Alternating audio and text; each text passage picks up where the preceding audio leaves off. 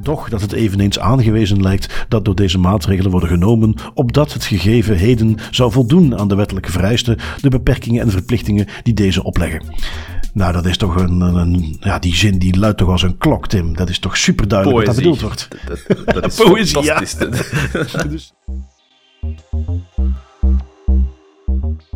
Hallo en welkom bij Das Privé, jouw wekelijkse privacy podcast. Iedere aflevering praten we hierbij over het reilen en zeilen in de wereld van privacy. Digitale spionage, boetes, datalekken, nieuwe technologie, privacy tools, oftewel alles wat er in een week gebeurt in privacyland.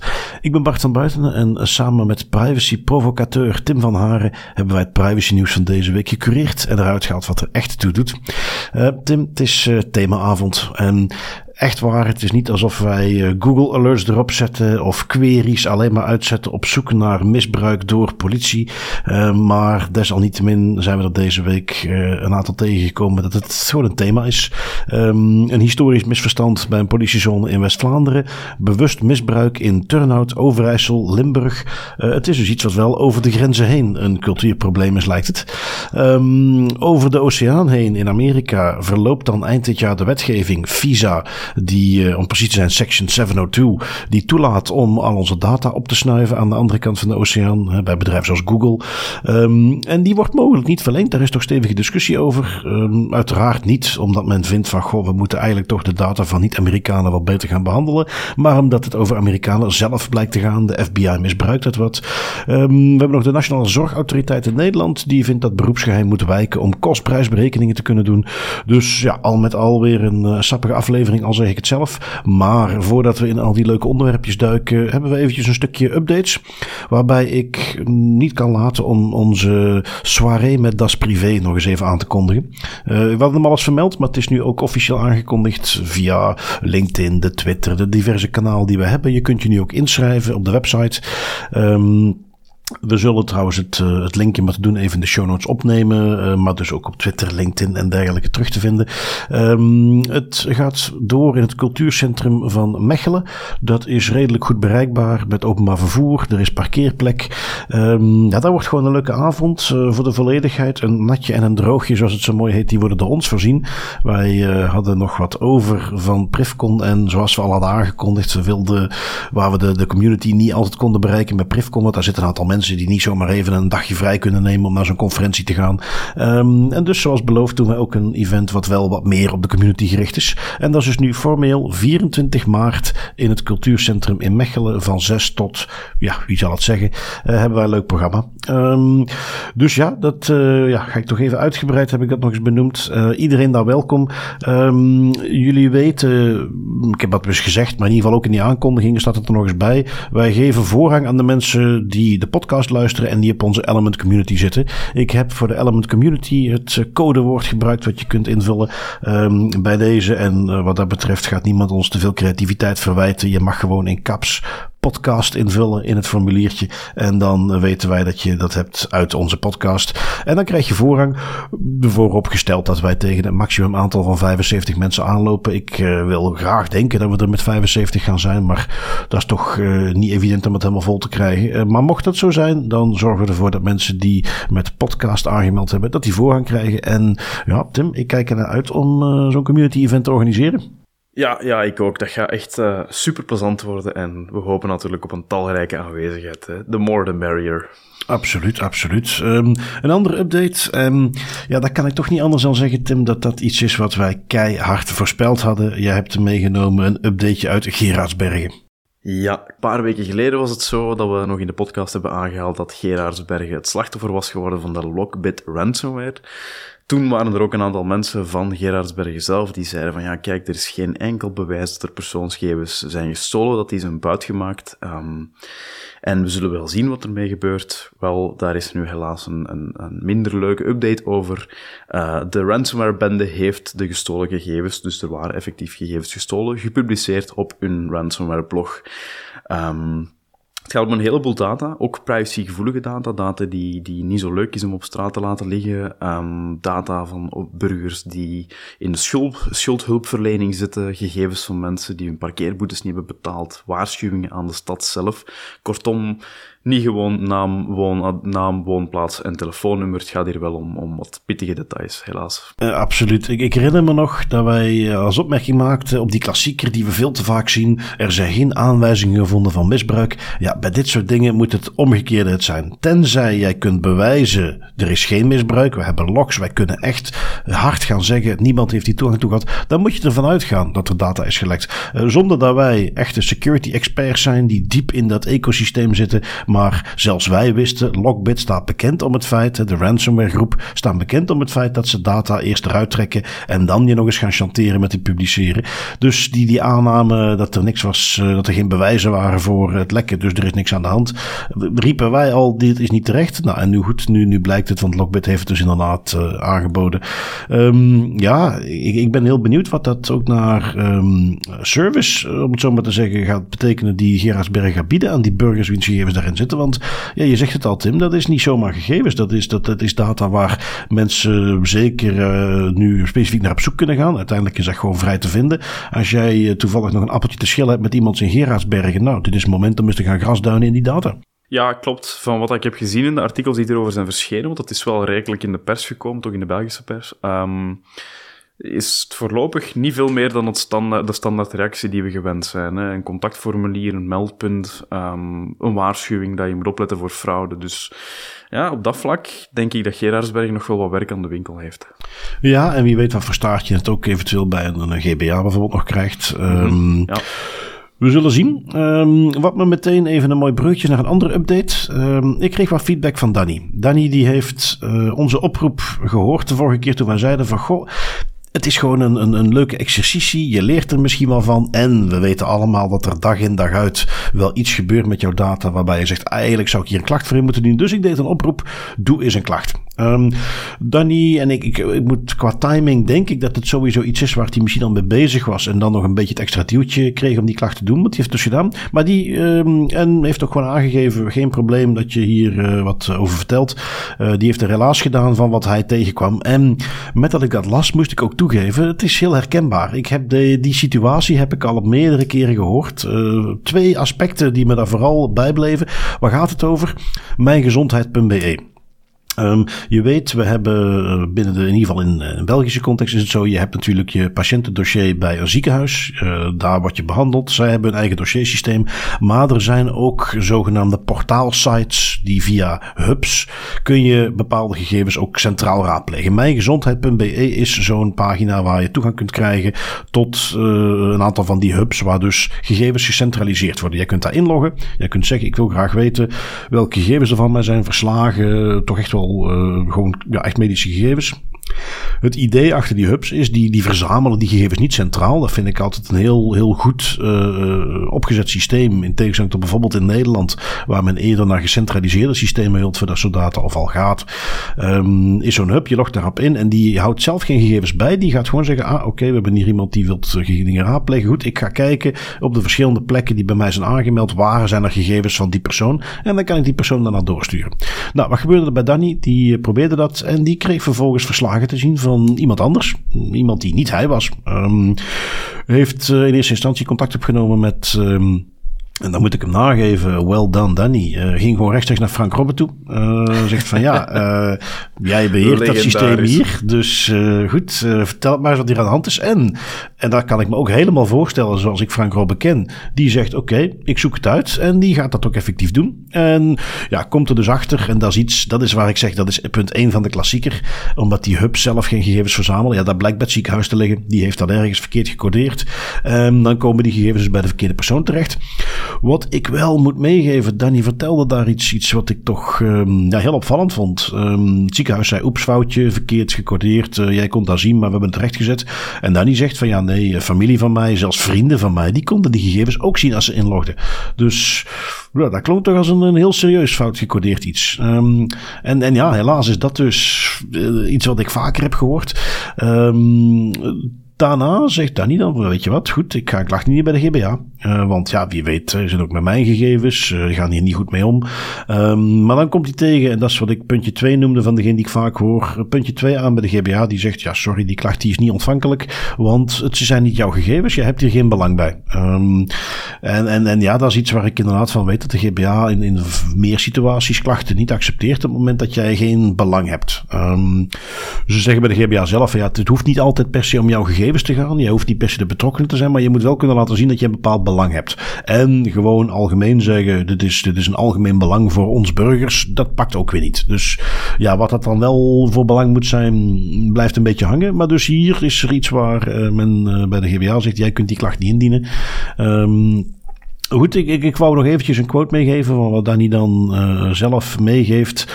Um, hij zegt dus, heel dit voorval bevestigt nogmaals dat de bescherming van uiterst gevoelige persoonlijke gegevens uiteindelijk maar afhangt van de sterkte van de beveiliging van de zwakste schakel in het systeem.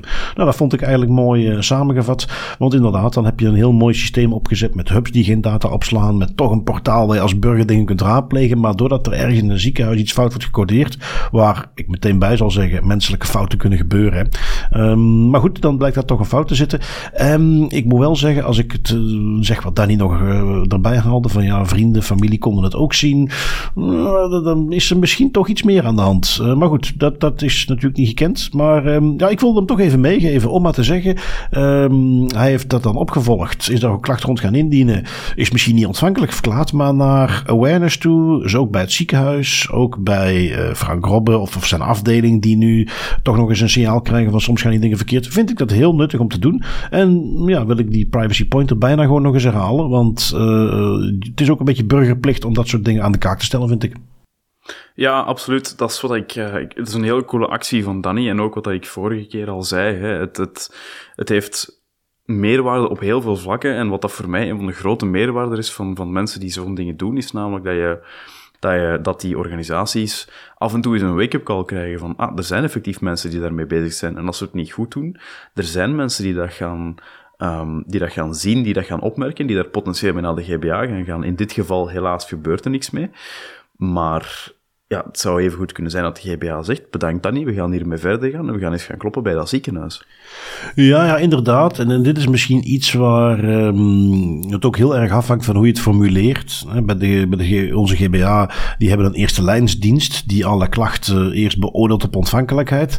Um, het zou best goed kunnen als jij met enige ervaring en, en, en langer met die materie gewerkt hebt, je klacht een beetje anders formuleert als ze dan zeggen van, oh ja, nou is je wel ontvankelijk. Um, omdat je dan wel ergens je belang aantoont. Dat is uh, misschien nog een keer een, een, experimentje. Maar in ieder geval, inderdaad, een actie. Uh, ook leuk om dat even met ons te delen. Ook naar gewoon algemene awareness. Uh, ook zeker niet om per se de naam van het ziekenhuis. Ehm, stond er ook niet bij. Is ook niet de bedoeling om die aan de schandpaal te nagelen. Maar ja, die awareness daaromheen vind ik toch echt wel nuttig om die nog eens durven te laten passeren.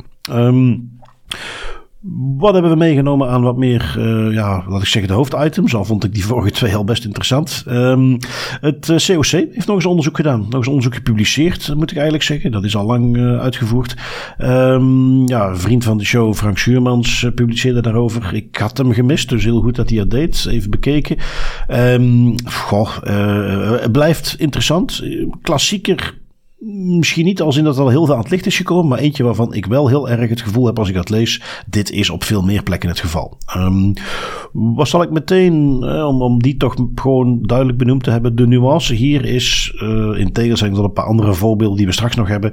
Dit is geen bewust misbruik. Uh, zeker niet. Um, maar wat wel opvalt is dat, uh, en, en, daar kan ik niet anders dan zeggen, daar zit echt een, een zware um, ja, cultuur die verkeerd zit, omdat men daar gewoon niet over nadenkt. Nu, wat is de zaak? Um, op een gegeven moment, uh, via zoals het dan bij het, het COC gaat, die krijgen een verzoek tot onrechtstreekse toegang. Je kunt een aanvraag indienen. ik wil graag weten dat jullie mijn politiedossier nakijken en, en bekijkt wie dat geraadpleegd heeft. En ja, eens zien of dat wel goed is gegaan. het COC mag daar eigenlijk niet echt over communiceren. Je kunt die aanvraag doen. Ik weet ook, Frank heeft dat ook al eens vaak uitgelegd, die gaan dat ook effectief doen. Die gaan dat nakijken, maar die mogen jou eigenlijk alleen maar laten weten, ja, wij hebben ons onderzoek gedaan. Punt. Die kunnen ook niet aangeven of er iets verkeerd was, ja of nee. Die kunnen gewoon aangeven, we hebben dat gedaan en uh, ja, vertrouwen ons maar dat wij dat goed gedaan hebben. Um, hier is dat gebeurd. Um, bij een politiezone in West-Vlaanderen uh, krijgt men naar aanleiding daarvan de indicatie, hier moet eens naar gekeken worden. En uh, wat ik ook wel interessant vond hier, heeft het COC dus de DPO van die politiezone gecontacteerd en de vraag gesteld, ga hier eens naar kijken. Uh, die DPO heeft dat gedaan. Die heeft een, een, een, ja, een aantal aanbevelingen, bevindingen vastgesteld. Uh, serieuze lijst. Um, om het wat samen te vatten, waar komt het op neer? De gasdienst was nogal verweven met de politie. Voor ons Nederlandse luisteraars, we hebben het al eens over de BOA's gehad, de bijzondere opsporingsambtenaren in Nederland wel. In het kader van de gas heb je eigenlijk, dat zijn vergelijkbare gasambtenaren, zijn vergelijkbare BOA-ambtenaren, die kunnen bepaalde vaststellingen doen. Denk bijvoorbeeld aan fout parkeren, beetje dezelfde insteek, ontlasting van de politie. Um, heeft ook de gemeente, want dat zijn dus gemeenteambtenaren, geeft die wat meer vrijheid om, om zelf vaststellingen te doen. maar dat is dus wel strikt gescheiden. Een, een gasambtenaar is geen politieambtenaar. Die mag ook geen toegang hebben tot politiedatabanken. Mag ook niet via politie toegangen, toegang krijgen tot bepaalde databanken. Um, waar het hier over gaat, gaat bijvoorbeeld over uh, dus ons, ons kentekenregister als het daarmee zit en het Rijksregister. Um, waar een gasambtenaar normaal gezien niet, niet aan moet kunnen. Zeker niet de vaststeller. wat hier gebeurde is dat die gasambtenaren eigenlijk heel erg verweven zijn met de politie. Zo op zo'n manier dat die op kantoor zitten bij de politie.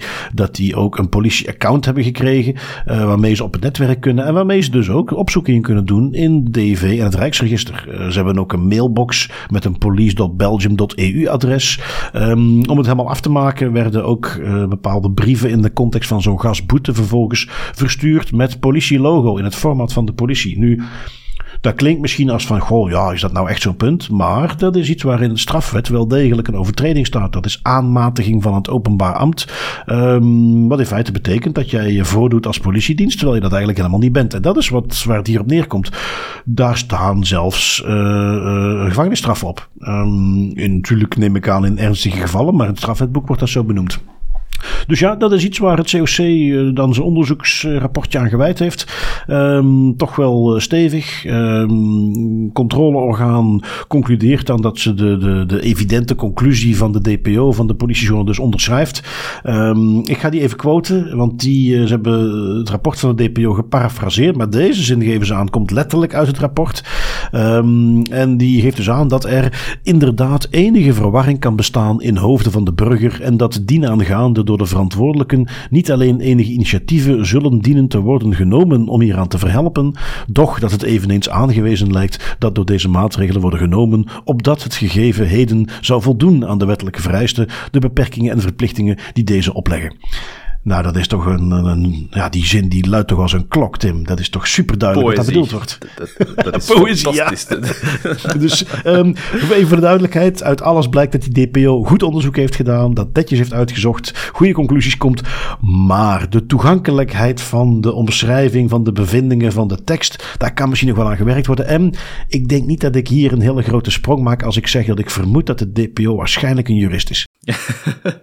nee, er, er, is geen enkel normaal mens dat op zo'n manier schrijft. Al moet ik het zeggen, het, ik kan het ergens wel appreciëren, de manier hoe het geschreven wordt. Maar ja, back ja, to the point.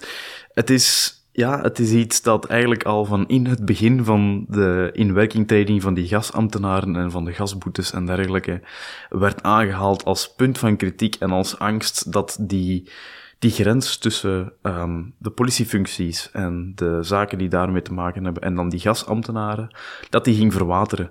En dat is um, niet zo heel verrassend dat dat dan nu eigenlijk gebeurt. Dat is ook ergens een klein beetje menselijk misschien, hè, dat die mensen gaan samenwerken, die, die gasambtenaren hebben ook doorheen de hele loop van in het begin van hun, van hun implementatie tot nu stelselmatig ook langzaamaan meer en meer bevoegdheden gekregen en meer functies die ze kunnen invullen. Uiteraard om de politie te ontlasten, maar ja, dat, dat is het ding een beetje. Als je die politiediensten, die, die politiefuncties voor een deel wilt ontlasten, dat betekent dat je die dus ergens anders gaat plaatsen, bij die gasambtenaren.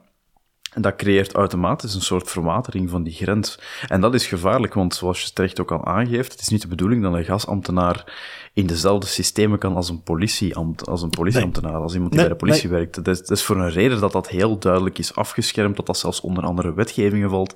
Precies. Dat, dat mogen we niet laten verwateren. Nee, het heet niet voor niks de gemeentelijke administratieve sanctie. Dat is de autoriteit die daar iets mee doet, is inderdaad andere wetgeving. Um, wat ik misschien concluderend, ik weet dat wij ook wel een aantal DPO's bij de politie hebben die luisteren.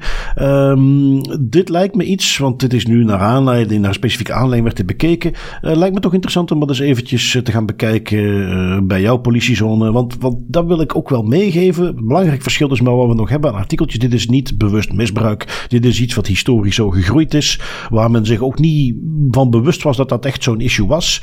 Um, maar dat heeft dus wel aan, en dat hebben we nu al een paar keer gezien. Um, ja, daar, moet echt naar, naar cultuur toe, naar awareness toe, moet daar meer mee gebeuren. En dit is een mooie aanleiding, ook DPO's binnen politiezones, om dit erbij te pakken en te zeggen van, goh, laten we dit specifieke onderwerp bij ons ook eens onder de loep nemen. Uh, je kunt het alleen maar voor zijn. Dit is het moment om het recht te zetten. Je hebt de goede aanleiding. Uh, lijkt me een mooie om, om daar eens naar te gaan kijken. Um, wat hebben we nog? Um, Nederland, Nationale Zorgautoriteit. Die, uh, ja, die kan een rechtszaak tegemoet zien, want die loopt al een tijdje. Um, ja, wilt die de gegevens gaan verzamelen? Die wilt, en daar is ook wetgeving voor die dat moet gaan regelen, die willen gegevens krijgen van de gezondheidszorg, de geestelijke gezondheidszorg van uh, psychiaters. Um, jij hebt hem meegenomen, Tim, wat details daar rond over wat die zorgautoriteit niet precies wilt, waarom ze dat willen en waarom dat heel veel psychiaters daar een probleem mee hebben. Klopt. Um, het is zo dat behandelaren in de geestelijke gezondheidszorg en de forensische zorg in Nederland vanaf 1 juli dit jaar, 2023, um, per patiënt verplicht worden om een scorelijst in te vullen en die te delen met de Nationale Zorgautoriteit. En die scorelijst die bevat uh, een aantal elementen die de, de patiënt moeten evalueren. Uh, dat, dat zijn vragen zoals hoe destructief is de patiënt, hoe agressief is de patiënt, is er sprake van enige vorm van drugsgebruik, uh, suïcidale neigingen, zelfverwonding, handicaps. Allemaal zaken die eigenlijk een impact hebben op de behandelingsprocedure van die patiënt. Um, de lijst is, bevat geen rechtstreeks identificeerbare kenmerken, dus er wordt nergens een naam van een patiënt, een geboortedatum, een ID of een postcode in meegegeven als dat doorgestuurd wordt naar de Nationale Zorgautoriteit. En daarbij moet ook de kanttekening worden gemaakt. Die, het opstellen van die lijst en het doorsturen, dat zal automatisch gebeuren. Dus een patiënt hoeft daar geen toestemming voor te geven. Het is een, een opt-out mechanisme. De patiënt kan een schriftelijke bezwaar maken als zij weten dat die lijsten worden doorgestuurd. En dan krijgen ze ook de opportuniteit dat die lijsten niet meer worden doorgestuurd. Dat voor de patiënten. Langs de andere kant is het wel verplicht dat behandelaar die lijsten gaan doorsturen en meewerken aan de vraag of de eis van de Nationale Zorgautoriteit. Doen ze dat niet, dan krijgen zij dan heb, is er het potentieel dat ze een dwangsom opgelegd krijgen. Dus je ziet, ja, die Nationale Zorgautoriteit die wil toch echt wel kost wat kost die opleistingen over die patiënten in handen krijgen. En waarom willen ze dat nu eigenlijk doen? Um, de Nationale Zorgautoriteit wil naar eigen zeggen beter kunnen voorspellen welke zorg dat er in de toekomst nodig is. En op die manier ook de zorgkosten voor patiënten en voor bepaalde types van patiënten um, exacter kunnen gaan berekenen. Want er is van alles mis in het zorgstelsel uh, in Nederland. Die GGD's zijn volledig overbelast. Er, is te, er zijn te weinig middelen. Dus men wilt gaan kijken met die data. Uh, kunnen we op een efficiëntere manier aan onze zorg gaan doen? En dat is allemaal nobel, maar dat stelt wel tegelijkertijd een probleem met het medisch beroepsgeheim en met privacy. want die lijsten die naar de Nationale Zorgautoriteit worden gestuurd. Die bevatten op zich geen rechtstreeks identificeerbare kenmerken, maar het zegt natuurlijk wel heel veel over een bepaald persoon. Maar het is ook zo dat de Nationale Zorgautoriteit um, in een andere informatiestroom, die zij naar eigen zeggen volledig zullen afgescheiden houden, informatie heeft over die patiënten, waardoor dat er een potentiële koppeling zou kunnen ontstaan in die entiteit, in die Nationale Zorgautoriteit. De Nationale Zorgautoriteit zegt zelf dat zij er alles aan gaan doen om die koppeling te voorkomen en om dus die lijsten apart te houden van de identificatie van een bepaalde patiënt. Dat zijn twee compleet afgescheiden informatiestromen. Maar de realiteit is wel dat die beide informatiestromen nog altijd onder dezelfde entiteit vallen. En dan moeten we niet alleen gaan kijken naar de Nationale Zorgautoriteit zelf, die het naar eigen zeggen goed wil doen en die dat gescheiden gaat houden, maar ook naar het risico dat er ooit iets fout gaat, dat die stromen misschien op een bepaald moment niet gescheiden meer worden door, ik zeg nu zomaar iets, een hack, een insider threat, uh, iemand die iets verkeerd doet, allemaal reële risico's.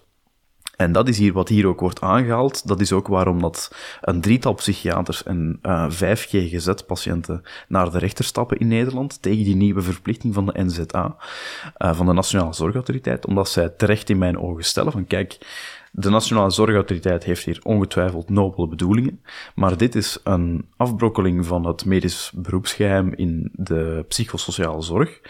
En het, het risico dat je hiermee creëert, dat er ergens in de long run, in de komende vijf jaar, iets fout gaat, een ransomware aanval, een hack, is groter dan, is, is, is niet proportioneel in vergelijking met wat men hier eigenlijk mee wilt bereiken. Een mooi voorbeeld van, van iets dat je daarmee creëert, het potentieel creëert, is de Vastamo-hack in Finland.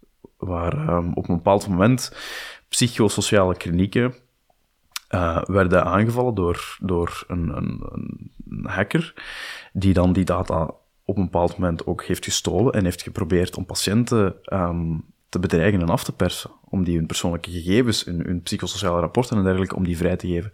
Dus ja, men, men creëert hier een soort van risico dat er een soort Fastamo 2.0 in Nederland op een bepaald moment gaat zijn als men die lijsten gaat bijhouden bij de Nationale Zorgautoriteit. Ja, en, en, niet alleen dat. Ik kan mij hier niet aan de indruk onttrekken dat wat men wil bereiken, namelijk zorgkosten in kaart brengen, dingen gaan voorspellen, uh, uiteindelijk de financiering voor de GGZ verbeteren, dat dat ook te bereiken is op een manier die niet die risico's die we net benoemen inhoudt. Um, dat het prima mogelijk moet zijn, want men geeft ook aan van ja, kijk, die Nationale Zorgautoriteit, die scorenlijsten, daar zijn bepaalde gegevens uitgehaald, maar op een ander punt hebben ze die gegevens wel en zouden ze dus, als ze die koppelen, zouden ze dat prima kunnen herleiden.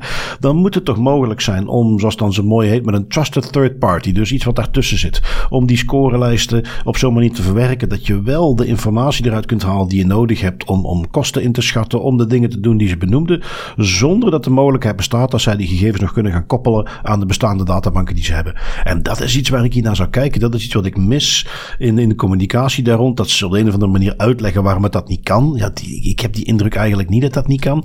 En dat is wat ik hier heel erg mis. Um, daarnaast, en, en dat is iets waar je toch ook, ja, daar blijf ik dan een beetje met een zure nasmaak zitten. Er is een opt-out van de patiënt, maar men heeft daar dus heel slecht over geïnformeerd. Heel veel patiënten gaan dat niet weten. Um, ja, daar, daar moet wel een beetje bewust zijn natuurlijk, want uh, je voelt meteen aan, en, en daar zit hem toch ook dat dat probleem ermee, als je kijkt naar de wettelijke basis die men daarvoor gebruikt, daar, daar zit toch ook een aspect in van ja, past dit binnen de redelijke verwachtingen van, van de burger? Is dit iets, want laten we niet vergeten, uiteindelijk ben je als overheid wel voor de burger bezig. Is dit iets wat, wat de burger op die manier ook verwacht? Um, en, en ja, goed, met dat hier dus een opt-out functie ligt, ik, als men daar transparant over zou zijn, ik kan me niet voorstellen dat er veel patiënten zijn die uh, hier dan niet die opt-out gaan doen. Dus als je dat maar makkelijk genoeg maakt, gaat dat gewoon gebeuren.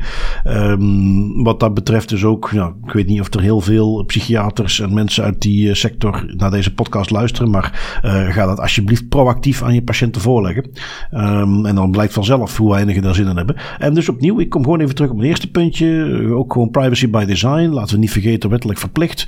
Um, ga eerst eens even heel degelijk uitzoeken of je niet gewoon die informatie en misschien dan maar iets minder informatie kunt verkrijgen op een manier die die risico's bijna uitsluit. Door die data te verzamelen op een manier die het gewoon niet mogelijk maakt om te gaan koppelen. En volgens mij al moet ik er meteen bij zeggen dat ik natuurlijk niet alle details, ik ben niet betrokken bij de zorgautoriteit zelf. En toch durf ik hem echt wel aan. Dit moet kunnen zonder al die verzameling.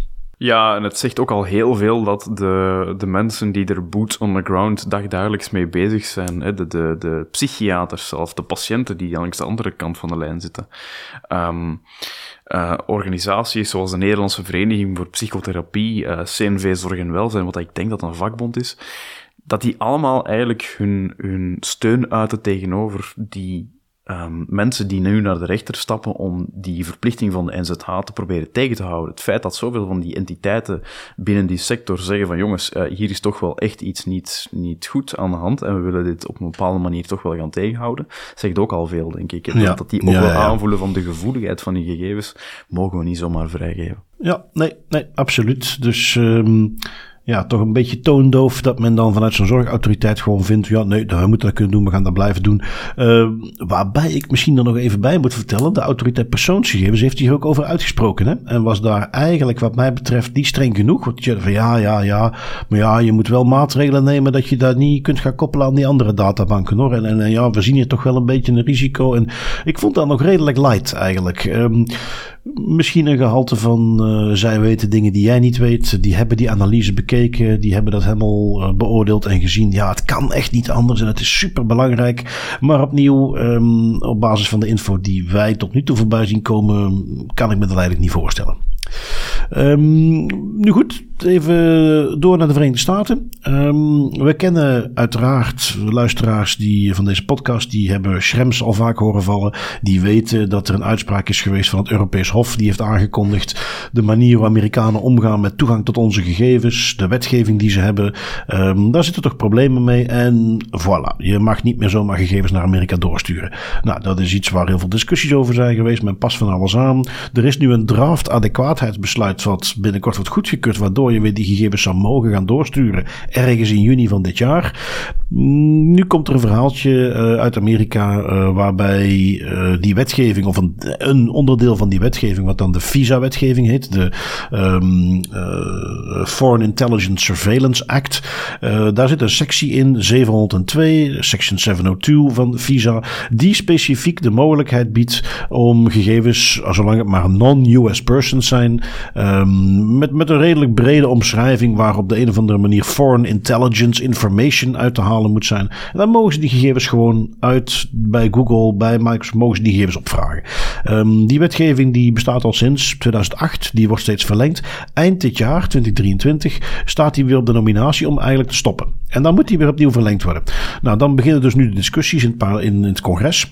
Um, waarom ik me heb meegenomen is omdat nu heel specifiek daar voor het eerst uh, stevige discussie. Nou ja, niet voor het eerst misschien, maar lijkt nu toch heftigere discussie te zijn of ze dat zal moeten gaan verlengen. Um, dat komt onder andere omdat, uh, en niet zozeer vanuit de NSC, die vaak in deze context noemen, maar vanuit de FBI, uh, zijn er nu wat rapporten gedeclassificeerd, uh, audits die zijn uitgevoerd, waaruit eigenlijk blijkt dat er structureel door de FBI gewoon misbruik wordt gemaakt van die gegevens. Bijvoorbeeld, en, en dat is natuurlijk ja, heel geheel in Amerikaanse stijl, wanneer vindt men dat dan een issue? Ja, omdat er dus onderzoek wordt gedaan naar Amerikanen. Um, om precies te zijn. Um, je weet dat men nu binnen de, de, Republikeinen hebben een, een, eh, een, meerderheid verzameld in het congres. Die gaan nu op een aantal dingen gaan die lastig doen. En er zit een hele groep van Republikeinen die het eigenlijk niet zo tof vinden dat de FBI onderzoek doet naar Republikeinen. En naar bijvoorbeeld inmenging door Rusland. En dat die daar allerlei dingen uit kunnen halen. En nu blijkt dus dat de FBI bijvoorbeeld die data die verzameld werd met oorspronkelijk het idee dit gaat over niet-Amerikanen. Dat men daar bijvoorbeeld gaat uh, grasduinen met de namen specifiek gebruik maakt van de naam van een, uh, ja, zoals ze dat noemen, US lawmaker, een politicus. Um, dat men dan uh, bij onderzoek blijkt van, goh, ja, nee, ja, dat is toch eigenlijk non-compliant, dat hadden we toch niet mogen doen. En ja, we hebben daar toch een beetje te breed op gezocht. En oeps, ja, er was wat onduidelijkheid over de wetgeving. En zo drie, vier van dat soort voorbeelden zijn nu naar boven gekomen.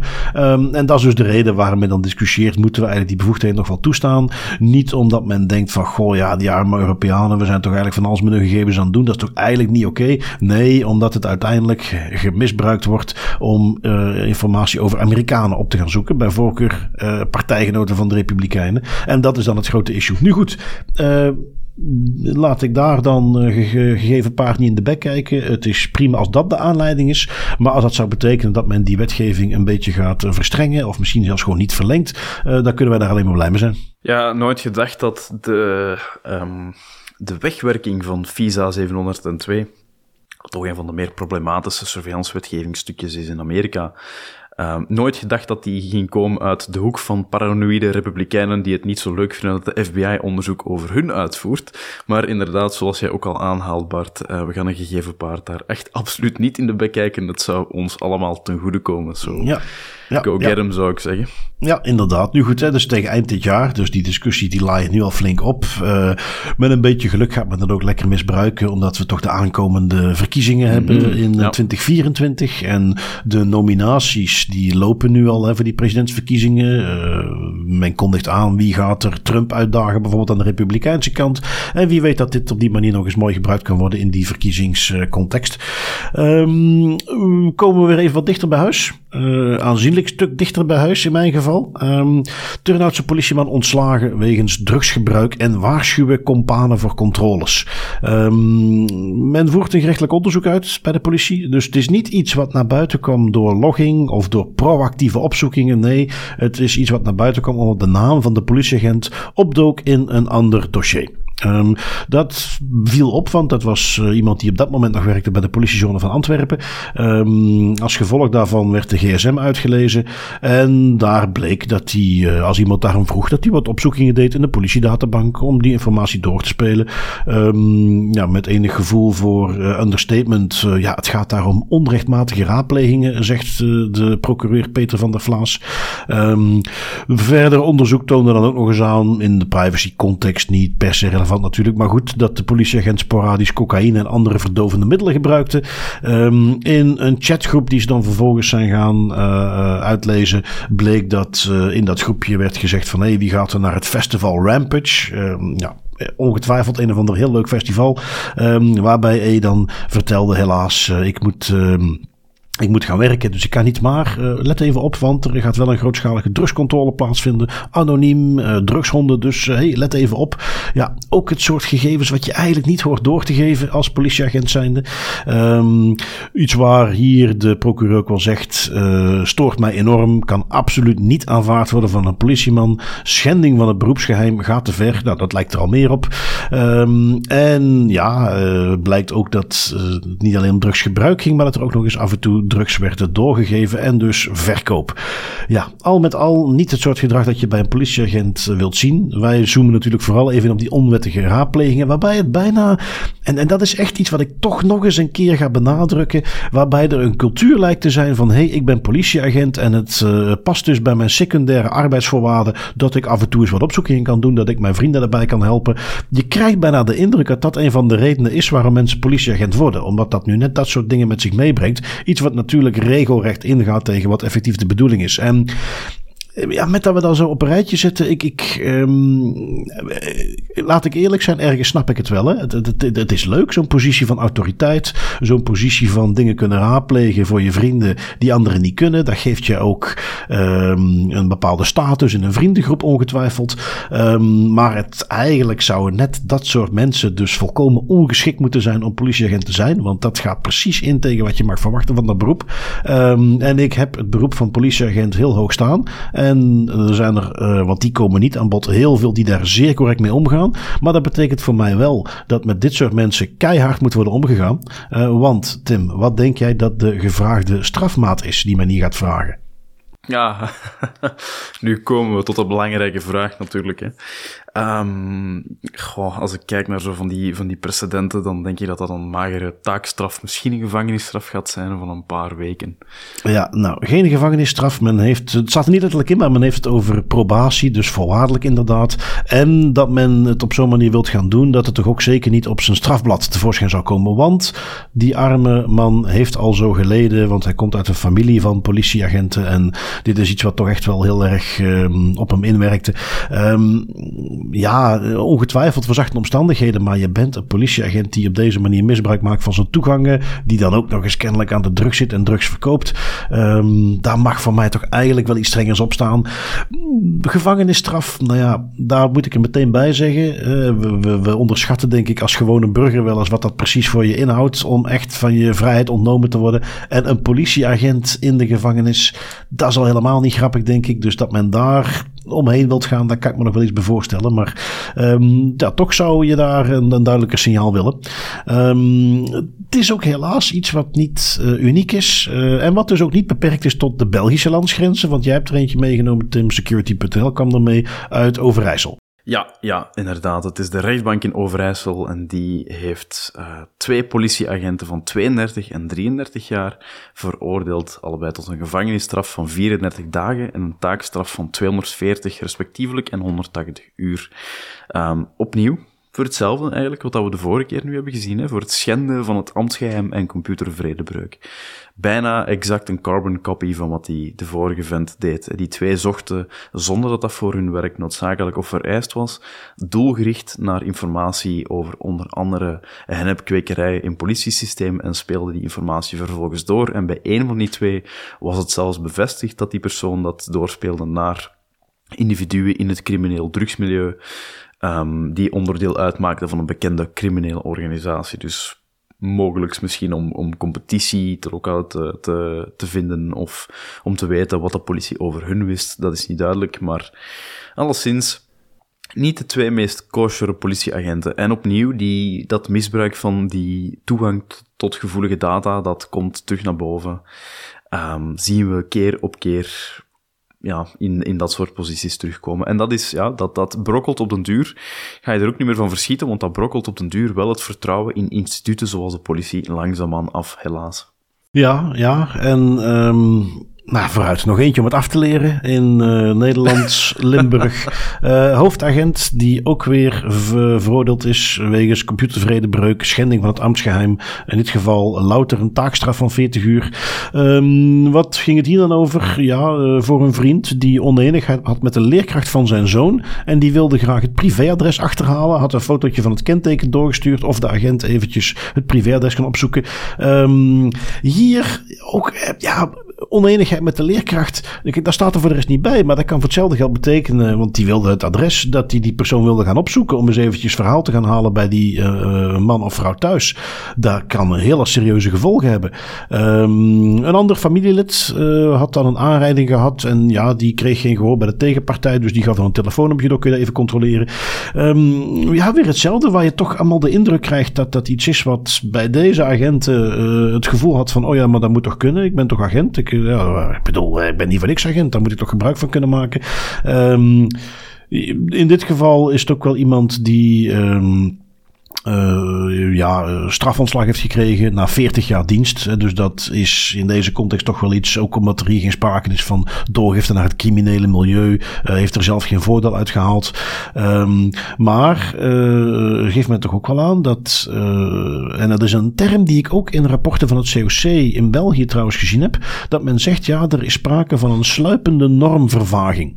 die ervoor zorgt dat er een soort vermenging kwam van het werkdomein met de privésfeer. Um, uh, ja, hoe moet je dat aanpakken? Want dan, dan blijkt hier dus uit dat je ergens begint te merken, want dat is dus iemand die al heel lang uh, werkte, dat doordat daar niet voldoende aandacht voor is, doordat dat op een gegeven moment niet meer genoeg benadrukt wordt, dat er een beetje het idee begint te ontstaan, ach, het is toch niet zo erg. En dat benadrukt gewoon dat daar dus rond awareness, rond sensibilisering, dat dat iets is wat eigenlijk ja, bij politieagenten uh, of mensen die bij de politie werken, uh, wekelijks op een bepaalde manier erin gedrild moet worden. Jij hebt een bepaalde uh, stand in onze maatschappij. Er wordt naar jou opgekeken. Je hebt bepaalde bevoegdheden. Um, aan de ene kant, even los van de privacy context, hè, de politie heeft een geweldsmonopolie. Die mogen dat soort dingen doen. Die zijn daarvoor getraind. Wel op dezelfde, en, en daar zit men heel erg te hameren over de procedures. Wel op dezelfde manier denk ik dat we nu in een situatie komen waarin politiedatabanken toegang eh, dingen kunnen raadplegen in een digitaal eh, context zoals waarin we nu eh, zitten. Dat het belangrijk wordt om dezelfde aandacht die men legt over het gebruik van het geweldsmonopolie, over het wel of niet mogen inzetten van bepaalde middelen, ehm, dat men diezelfde awareness en training en nadruk gaat leggen op het gebruik van politiedatabanken. Um, zoals altijd, wij staan open voor correctie. Ik hoor heel graag van mensen die bij de politie werken op wat voor manier men dat nu al doet. En dat je gaat zeggen van ja, we kunnen daar niet veel meer doen. Dat is iets wat echt al heel erg benadrukt wordt. Omdat ik de indruk krijg op basis van de zaken die wij hier nu en de voorbije tijd al hebben zien komen. Ja, kan ik me niet aan de indruk onttrekken dat dat niet voldoende gebeurt. Nee, klopt. Dat is, het is bijna. Allee, dit is nu wel heel toevallig natuurlijk dat we zoveel verschillende incidenten in één week kunnen meenemen. Dat we er zelfs een themaavond van kunnen maken. Dat komt nu ook weer niet altijd voor. Nou ja, dat is dus niet toevallig. Dat is dus niet toevallig. Dat is een teken, dat is een symptoom van een structureel probleem. Ja, ja, dat is waar. Daar ga ik volledig mee akkoord. En ook, um, ik heb iemand in mijn naaste kring die bij de politie werkt. En ik heb het met hem daar ook al af en toe eens over gehad. Over waar wij het nu ook over hebben. Die normvervaging en dat persoonlijk gebruik van, van databanken, van toegang. En ja, dat, dat, dat bevestigt eigenlijk het vermoeden dat wij denk ik allebei ook al hebben. Dat er inderdaad vooral een structureel gebrek is aan kennis en aan uh, het idee dat het gebruik of misbruik van die toegangen eigenlijk iets is dat niet door de beugel kan en dat eigenlijk het vertrouwen in de politie als instituut afbrokkelt. Dat is voor heel veel van die agenten doen ze dat niet uit kwade wil, doen ze dat zelfs om mensen of uh, mensen uit hun kringen te helpen, wat dat op zich niet zo slecht is. Maar inderdaad, daarvoor je toegang gaan misbruiken, dat kan niet door de beugel. Dat is iets wat dat niet kan. Dat is voor ja, een reden zo afgezet. Om dat misschien ook even mee te geven, uh, wij hebben ook allebei in de medische sector, de zorgsector, redelijk veel gewerkt. Um. Daar speelt, dat doet hetzelfde probleem zich voor. Hè? Ja, dat, dat mensen uh, dossiers van collega's gaan raadplegen of eens eventjes een familie het opzoeken. Um, en ook daar zit het maar dus in, in iets waar ik denk, je gaat altijd een stel diehards hebben. Eh, ook misschien mensen met linken met het criminele milieu die dat, zich daar niks van aantrekken. Maar ik weet zeker dat je een hele grote groep hebt, als die daar beter op gewezen zijn, die echt niet de behoefte gaan voelen om daar structureel inbreuk op te plegen. Nu goed, Genoeg daarover. Um, we verwachten met de volgende rant tot dit weer eens een keer opduikt in de volgende aflevering. tot binnen een gaan week we, dus. Gaan we even door met um, wat meer down to earth. Een uh, lekker social media tooltje, Reddit. Um, maar waar, als ik me niet vergis, want jij hebt hem meegenomen, Tim, uh, we eigenlijk iets van kunnen leren hoe je om moet gaan met een, uh, een datalek. Ja, klopt, klopt. Um, Reddit, zij hebben zelf een, een, een policy waarin dat ze zeggen van kijk, wij willen steeds over alles positief en negatief zo open en transparant mogelijk zijn. En dat blijkt nu ook weer eens dat dat waar is, dat ze die policy waarmaken. Want Reddit heeft een incident gehad. Een van hun systemen is gehackt nadat een, uh, naar eigen zeggen, gesofisticeerde phishingcampagne succesvol was op een Reddit-medewerker. Die Reddit-medewerker heeft zijn logingegevens um, onwetend natuurlijk overhandigd aan, die, aan de, de phishers. En die mensen, die, die aanvallers, die zijn binnengeraakt bij bepaalde systemen van Reddit. Um, voor zover dat zij zeggen, voor, voor zover dat zij zeer transparant kunnen, kunnen um, aanhalen in hun posts, zijn er geen persoonsgegevens gelekt, voorlopig. Dat kan natuurlijk altijd nog veranderen. Uh, gaat het hier meer over, over business systemen en over de technische systemen die erachter liggen. Um, maar wat mij opviel, is dat Reddit zeer transparant in een hele mooie Reddit-post op hun, op hun uh, website. De, het in grote lijnen heeft uitgelegd wat er gebeurd is, wat ze nu gaan doen om dat probleem op te lossen, um, wat gebruikers kunnen doen en nog, daar staat een hele mooie vriendelijke reminder in om zoveel mogelijk multifactor authentication te gebruiken. Wat ik altijd een hele goede tip vind als, als ik dat voorbij zie komen, incidentmeldingen.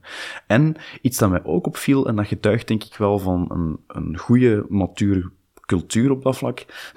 De persoon die het slachtoffer was geworden van de phishingaanval, uh, heeft dat zelf gemeld bij Reddit. Dus die is op een bepaald moment heeft hij beseft van shit, ja, ik heb hier nu mijn gegevens doorgegeven aan iets wat eigenlijk niet legitiem was. Dat wordt nu misbruikt. En die is dat zelf gaan melden aan Reddit en zelf gaan meehelpen om dat probleem zo snel mogelijk op te lossen. En dat staat ook in de melding. En het is dat soort mate van transparantie waarin dat Reddit zegt van kijk, dit is er gebeurd, we weten nog niet alles, we doen ons best om dit op te lossen en we gaan jullie zoveel mogelijk in de loop houden. Dat is een, een manier om een incident, om een datalek, een phishing aanval aan te pakken. Er staan geen we take your privacy seriously in, er staan geen uh, we weten niet zo goed, uh, we hebben geen bewijs dat er gegevens gelekt zijn. Nee, gewoon dit zijn de feiten, dit zijn de dingen die we nog niet weten en je hoort nog van ons. En dan geheel in Reddit-stijl een uh, AMA, een Ask Me Anything eraan koppelen. uh, vertel je vragen en we gaan erop antwoorden. Ja, ja veel transparanter word je niet. Hè? Dus nee, uh, netjes gedaan Reddit. Um, dan hebben we er nog eentje. Op meerdere kanalen kwam die voorbij. Tweakers, VRT. Um, ehm, iets werd aangekondigd. Uh, ethische hackers mogen vanaf vandaag met een nieuwe wet zonder toestemming eender welk bedrijf in België hacken dat klinkt als je het zo hoort een beetje meer dan het eigenlijk echt inhoudt. Uh, ja, jij hebt hem meegenomen, Tim. Wat, wat mogen ze wel gaan doen nu? We zullen de nodige nuance hier wel aanbieden. De, de, Belgische wetgeving is inderdaad versoepeld om ethisch hacken minder strafbaar te maken. Het, het Center for Cybersecurity um, schrijft daarover in een nieuw beleid dat uiteraard nog wel verschillende waarborgen kent. Dus het is niet zo dat ze een carte blanche krijgen, dat ze vanaf nu alles mogen doen en nooit meer vervolgd kunnen worden. Um, maar hoe het vroeger was, België kende tot voor kort eigenlijk alleen wat beperkte en vage grijze area regels rondom ethisch hacken die in een klokkenluiderswet waren opgenomen, um, maar die eigenlijk nog altijd veel beperkingen oplegden aan ethische hackers. Onder die regel, bijvoorbeeld die oude regel, was het alleen toegestaan om ethische hacks uit te voeren als een bedrijf daarvoor de opdracht specifiek gaf of toestemming gaf, bijvoorbeeld door een responsible disclosure beleid online te hebben staan. En zo'n responsible disclosure beleid is eigenlijk een statement dat het bedrijf um, naar buiten brengt, publiek brengt, vaak te vinden op hun website, waarin ze zeggen van kijk, als jij als ethisch hacker iets vindt en je meldt dat aan ons, dan gaan wij jou niet vervolgen, wij gaan je daarvoor bedanken en potentieel is er zelfs een beloning aan. Dus dat is een soort statement van jullie mogen ons hacken als jullie het dan ook netjes melden, dan is er geen probleem, no hard feelings. Dat is niet altijd het geval. Als er zo'n geen responsible disclosure beleid is, maar een ethisch hacker vindt iets en die meldt dat aan een, aan een bedrijf, dan loopt hij het risico, of dan liep hij het risico, dat hij vervolgd werd.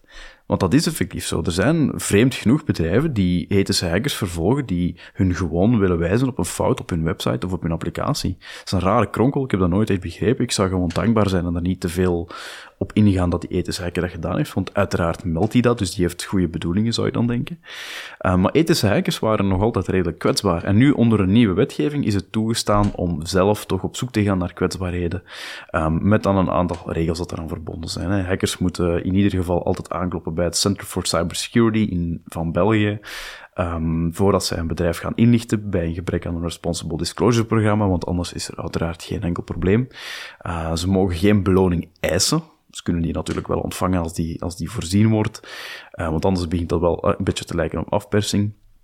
Um, en ze moeten zo proportioneel mogelijk te werk gaan bij het uitvoeren van het ethisch hacken. Kortom, het is duidelijker geworden. Er is, het is veel minder grijs wat nu eigenlijk wel en niet mag. En het is, voor zover dat ik heb gelezen in de media, ook een unicum. Dus het is de allereerste keer wereldwijd dat zo'n wetgeving effectief uh, tot stand komt. Wat ook altijd wat cool is dat dan weer al in het kleine Belgelandje is. Ja, ja uh, ik heb er eigenlijk niks op toe te voegen. Applausje voor uh, die wet. Ehm, netjes voor onze ethische hackers. En ik hoop dat het eindresultaat daarvan is dat wij een veel veiligere omgeving gaan hebben in België. En dat Belgische bedrijven op die manier een beetje gedwongen, of laat ik zeggen ondersteund worden om de boel beter te gaan beveiligen. Want we hebben een legertje van 3000 ethische hackers, waar Inti de Keukelaar het ook over had in een gesprek hierover. Die dus best hun gang mogen gaan. Uh, ethisch, uiteraard. Dus nee, zie ik heel graag. Um, we gaan nog eens even een heel andere kant op. Uh, we kijken naar datalekken. Um, is het in India? Komt een appje, uh, maar een andere app die misschien wat bekender is, die een beetje hetzelfde is. heb je ooit gehoord, Tim, van de app Gas? Daar heb ik nooit van gehoord. Oh, you're missing out. Niet dat ik hem heb geïnstalleerd, maar het is een, een app die uh, een tijdje terug furoren maakte op uh, middelbare scholen in Amerika. Um, wat is het idee? Je kunt daar een account op aanmaken. Dan zitten er wel degelijk gegevens van jou in, maar je kiest dan je school. En dan kun je vervolgens anoniem complimenten uitdelen aan anderen. Um, je kunt dan bijvoorbeeld dingetjes meegeven van, oh, mijn hart smelt als je lacht. Um, ik vind jou heel erg. Het is niet alleen maar liefdescontext. Het idee is ook het idee is ook dat je uh, gewoon complimenten kunt geven. Maar ja, goed, hè, middelbare school, hormonen gieren langs alle kanten tegen de muren van het gebouw aan. Dus dat zou er ook al mee te maken hebben. Maar uh, het idee erachter is goed. Anoniem complimenten uitdelen. En die is dus redelijk populair geweest. Totdat, um, om de een of andere reden, uh, men heeft dat kunnen traceren naar een account uit China. die dat uh, voor het eerst aankondigde. Er geruchten de kop opdoken dat, dat, dat die app gebruikt werd voor sex trafficking. dus handel in, in kinderen en, en ontvoeringen. Um, op zo'n manier dat er zelfs politiediensten waren die waarschuwingen uitstuurden. een beetje de, te vergelijken met de klassieker die je iedere Halloween voorbij ziet komen. Dat kennelijk uh, drugscriminelen niks beters kunnen verzinnen dan drugs in snoepjes te gaan stoppen en aan kinderen uit te gaan delen. Hè, want zo verdienen ze hun geld. Um, nu goed, dat speelde hier ook. Um, die app heeft daar flink onder geleden. Uh, heeft natuurlijk eventjes, uh, ja, ik geloof op één dag verloren ze 3% van hun gebruikers, inkomsten terug zien lopen. Um, maar ik dwaal wat af. Gewoon leuke historiek rond die app. zijn Indiase counterpart, dat is eigenlijk waar we het over hebben. Dus dat heeft op zich niks met gas te maken. Gewoon om even setting the scene. en die app die heet dan Slick. In India. Um, Slick is iets minder professioneel opgezet. Uh, heeft gewoon het concept een beetje overgenomen. Uh, maar blijkt dat sinds ten minste 11 december vorig jaar de database die erachter zat. Um, met dus dingen zoals namen, telefoonnummers, geboortedata, profielplaatjes. Dat die online toegankelijk was zonder ook zelfs maar een wachtwoord. Dus een, een, een, misconfiguratie zat erachter. Um, als je dus het IP-adres wist van die databank. Iets wat via de redelijk makkelijk te gokken subdom subdomein van de Slick website te achterhalen was. En dan had je toegang tot de gegevens die ik net zei van 153.000 gebruikers. Um, als de doelgroep een beetje hetzelfde is als Gas, hè, want het is daarop gebaseerd, dan hebben we het ook nog eens over potentieel minderjarigen. Dus al met al best een gevoelig datalekje. En, en dat is er eentje die ik in mijn les bij de hogeschool ook heel vaak meeneem. Ik begin over het algemeen mijn lessen security met een, een één datalek van die week, waar ik wat discussieer over wat is hier misgegaan. En je staat er ook echt van te kijken hoe vaak dat uh, principe van, ja, het was gewoon een database die open en bloot op het internet stond, hoe vaak dat nog voorbij komt. Ja, daar is, daar, daar, dat is inderdaad ja, heel weinig aan toe te voegen, behalve het feit dat dat keer op keer op keer hetzelfde is. Een databank die ergens nog open staat, die via een of andere publieke URL of een publiek IP-adres te vinden is. Dat is ongelooflijk Zeker omdat er vandaag de dag zoveel tools zijn die die dingen gewoon automatisch scannen en een melding geven aan de beheerders van hey, kijk, dat staat hier nog ergens open, of beheerderstools, of waar je het host. Amazon heeft bijvoorbeeld een hele race aan beveiligingstools en instellingen om dat soort zaken te voorkomen. En toch zijn er nog altijd mensen die het niet voor elkaar krijgen om dat af te sluiten. Dat is ongelooflijk. Nee, nee, inderdaad. Uh, hippe start-up, move fast, break things. Laat het vooral niet te veel beveiligen. Um, maar ja, ja dit is uh, echt wel een klassieker. Ja. Um, goed, ja, ook wetende. Dat is misschien iets wat binnenkort daar wel wat effect op gaat hebben. India is al een tijdje bezig om zijn uh, privacywetgeving ook aan te passen. Um, ook een beetje GDPR geïnspireerd toch wel. Dus iets wat daar toch ook wat strenger naar gekeken. standard. Hè? Dat is toch altijd wel heel leuk om te zien dat elke nieuwe privacywetgeving die de kop opsteekt toch een beetje GDPR-achtig tintjes heeft. Ja, enige vreemde eend in de bijt is uiteraard de Verenigde Staten, waar men nog steeds op het moment dat men het idee krijgt, we gaan een federale privacywetgeving maken, men dat meteen ziet als overheidsinmenging. Wij kiezen als staat zelf wel wat we willen doen, waardoor je daar de oude lappendeken behoudt. Um, gaan we door naar onze autoriteiten. Um, dit keer moet ik eerlijk zijn, Tim. Jij bent uh, de aangever voor de boete die we nog hebben meegenomen. Ik ben er deze week echt niet aan toegekomen. Um, maar je hebt er eentje meegenomen uit Italië, een, een coronaboete, als ik me niet vergis. Ja, klopt. Die coronaboetes die beginnen nu, denk ik, wel langzaamaan in opmars te komen. Waar gaat het hier over? Um, het is een Italiaanse gemeente die een boete van de garant heeft gekregen van in totaal 12.000 euro.